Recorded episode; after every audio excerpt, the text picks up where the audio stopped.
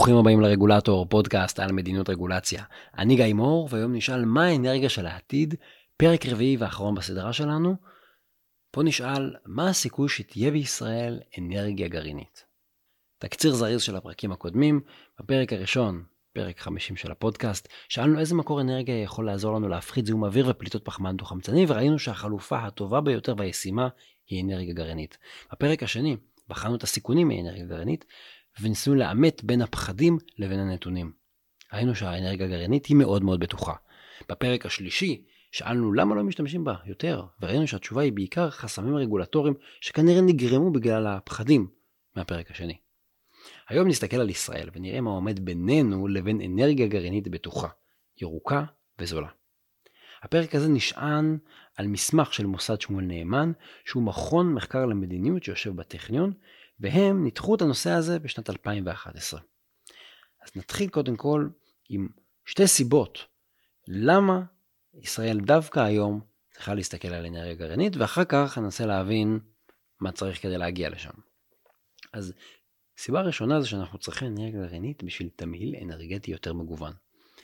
בשנת 2019, לא פחות מ-64% מהחשמל בישראל יוצר מגז טבעי. היתר זה 30% מפחם ובערך 6% מאנרגיות מתחדשות. עכשיו הדבר המדהים זה שלפי רשות החשמל, לפי התחזית שלהם, בשנת 2025 גז טבעי יהיה אחראי ל-83% מייצור החשמל. זה אומר שישראל הולכת להיות תלויה לחלוטין בגז טבעי כמקור אנרגיה. אם קורה משהו בגז הטבעי, אנחנו מאבדים יותר מ-80% מהחשמל שלנו. זה לא בריא. וכדי שלא נהיה תלויים יותר מדי במקור אחד, לא משנה איזה מקור, אנחנו חייבים לגוון את מקורות האנרגיה ושיהיה לנו כמה מקורות אנרגיה אמינים, זולים, בטוחים וירוקים. אגב, רשות החשמל גם מעריכה שאחרי כל התמיכות וכל הסבסוד הממשלתי, בשנת 2025 אנרגיות מתחדשות יתרמו רק 13% מייצור החשמל. ככה שמעבר לסיבות שציינתי בפרק 150, בפרק הראשון בסדרה, יש בעיה להסתמך עליהן כמקור מרכזי. וכמובן שפחם מזהם אין מה לדבר עליו. באתר תוכלו למצוא אה, לינק לניתוח של רשות החשמל וגם אה, גרף שהעתקתי מה, מהמצגת שלהם. אז זו סיבה אחת, אנחנו צריכים לגוון, אנחנו לא רוצים להיות תלויים רק בגז בכאלה שיעורים. שתיים, זה האמינות של תחנות גז לייצור חשמל. דוקטור שלמה ולד, שהוא לשעבר המדען הראשי של משרד האנרגיה, הסביר את, ה... את נקודת התורפה של תחנות לייצור בגז. אני מצטט. במערכות גז, בניגוד למערכות פחם, תקלה בודדת עלולה להשבית תחנה שלמה. סוף ציטוט. אז התכונה הזאת הופכת תחנות גז לפחות אמינות, הן יותר פגיעות, והן מושבתות גם לעיתים יותר קרובות. אבל האמת שזה לא נורא אם יש לנו מקורות אנרגיה אחרים ויציבים שמהווים גיבוי כשיש תקלה. אם אתם רוצים לראות מה קורה כשאין גיוון, אפשר להסתכל על סינגפור, היא מסתמכת בעיקר על גז, והיא חווה הרבה מאוד הפסקות חשמל, בדיוק מהסיבה הזאת, בגלל שהיא מתבססת בעיקר על תחנות גז. אז גם המגוון וגם האמינות הם סיבות לכך שבעייתי להסתמך על גז טבעי כמקור אנרגיה כל כך מרכזי. 83% זה המון. אז גם היום, כשיש לנו עתודות גז טבעי, צריך מקור אנרגיה מרכזי שיהיה יציב ואמין, וגם נקי בתקווה. כאן כדאי לחזור ולהדגיש שכמו שאני רואה את זה, כדאי שמשק האנרגיה שלנו יתבסס על מספר מקורות מגוונים, ולא על מקור בודד או מקור מרכזי אחד. זאת אומרת שגם אנרגיה גרעינית לא צריכה להיות 100% מהקורות שלנו, וגם לא קרוב ל-100%. אני אתן המחשה כדי שיהיה יותר ברור, אני כמובן לא מציע פה איזה משהו מגובש. אבל למשל אפשר לחשוב על תמיל של נגיד 45% גז, 30% אנרגיה גרעינית, 15% אנרגיה מתחדשת ונגיד 10% נפט או פחם. זאת בעיקר דוגמה להמחשה לתמיל שהוא יותר מאוזן מתחזית שבה 83% מהאנרגיה שלנו מופקת מגז. וזה לא תחזית רחוקה, כן? זה עוד 4 שנים בסך הכל, 2025. אז רצינו להבין הפרק, אם זה כזה נחוץ וכזה נכון וכזה ירוק וכזה נפלא, ואנחנו לא ארצות הברית, אז מה צריך לקרות כדי שישראל תתחיל להשתמש באנרגיה גרעינית? בגדול, יש כמה סיבות גדולות. סיבה גדולה אחת זה העלויות. מחיר הדלק הוא אפסי, אבל עלות ההקמה מאוד מאוד גבוהה, ראינו את זה בפרק הקודם. שזה כמובן מושפע מרגולציה. והסיפור הוא כזה, כשזול להקים ויקר לתפעל, נגיד פחם או נפט, אז יש סיכוי שיוקמו תחנות כוח, ובטווח הארוך הן לא יהיו יעילות והחשמל יהיה יקר.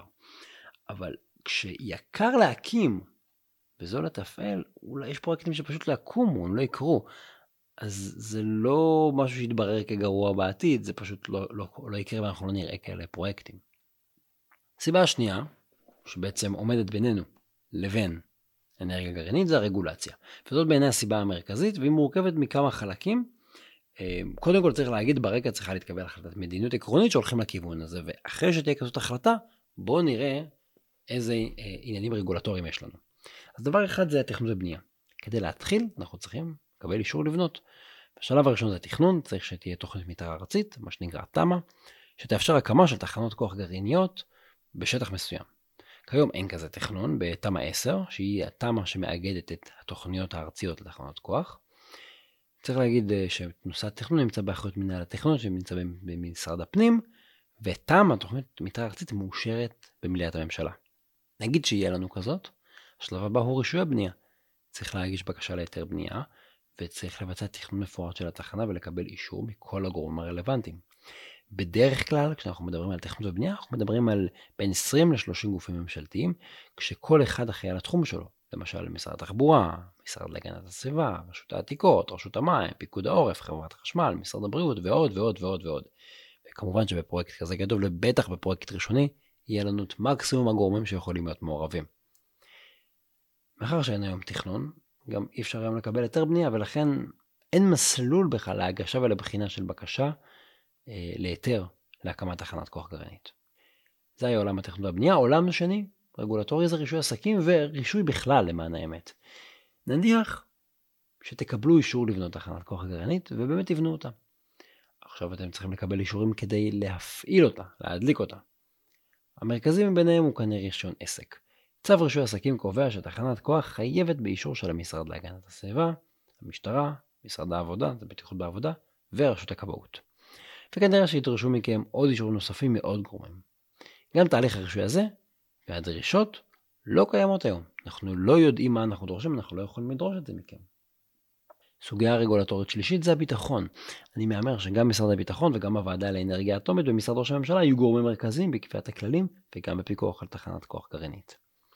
גורם רביעי זה הרגולציה על תשתיות תומכות. בתחנת כוח גרעינית עצמה יש מעט דלק גרעיני. והיא מכילה המון המון הגנות מסיביות. למשל, בעולם מקובל שהרצפה והקירות של ליבת הכור עשויים מבטון והם בעובי של כמה מטרים. העובי הוא כמה מטרים. בעצם חדר שהקירות שלו הם כל אחד בעובי של חדר. והרעיון זה שהקירות האלה מיועדים לשרוד גם פיצוצים, גם איומים ביטחוניים ואפילו התרסקות של מטוס נוסעים ישירות על הכור. כל זה טוב ויפה, אבל מה לגבי המצבור שבו אנחנו שומרים את עתודות האורניום? מה לגבי ההובלה שלהן אל התחנה מהמצבור? גם את האתרים האלה צריך למגן וצריך לנהל, אז תהיה רגולציה גם על המעטפת שרחוקה מהתחנה עצמה. הפער האחרון בהיבטים של הרגולציה, אני קורא לו הכיסא הריק.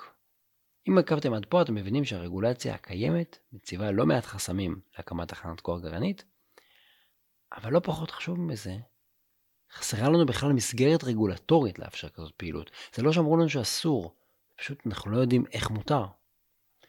אז אין לנו דרך לומר אפילו שזה מותר. כלומר, יש עוד משהו שחסר. יש מישהו שחסר. חסר לנו רגולטור.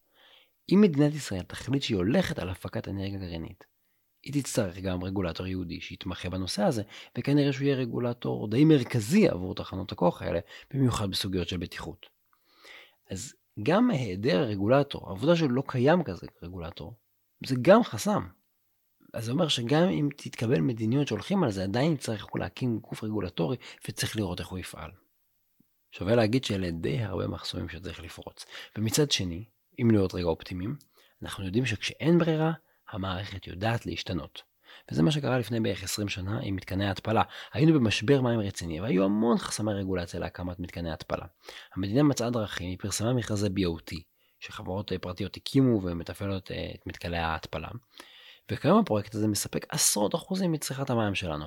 זה היה נראה בלתי אפשרי, אבל שינו את הכללים והלכו לאן שצריך. אז זה רגע סוגר את משפחת הרגולציה, אז אמרנו שברמת סוגי החסמים יש אה, קודם כל את נושא העלויות, יקר להקים, שתיים זה הרגולציה, ואני רוצה להציג לכם את הבעיה השלישית, שזה התפיסה הציבורית.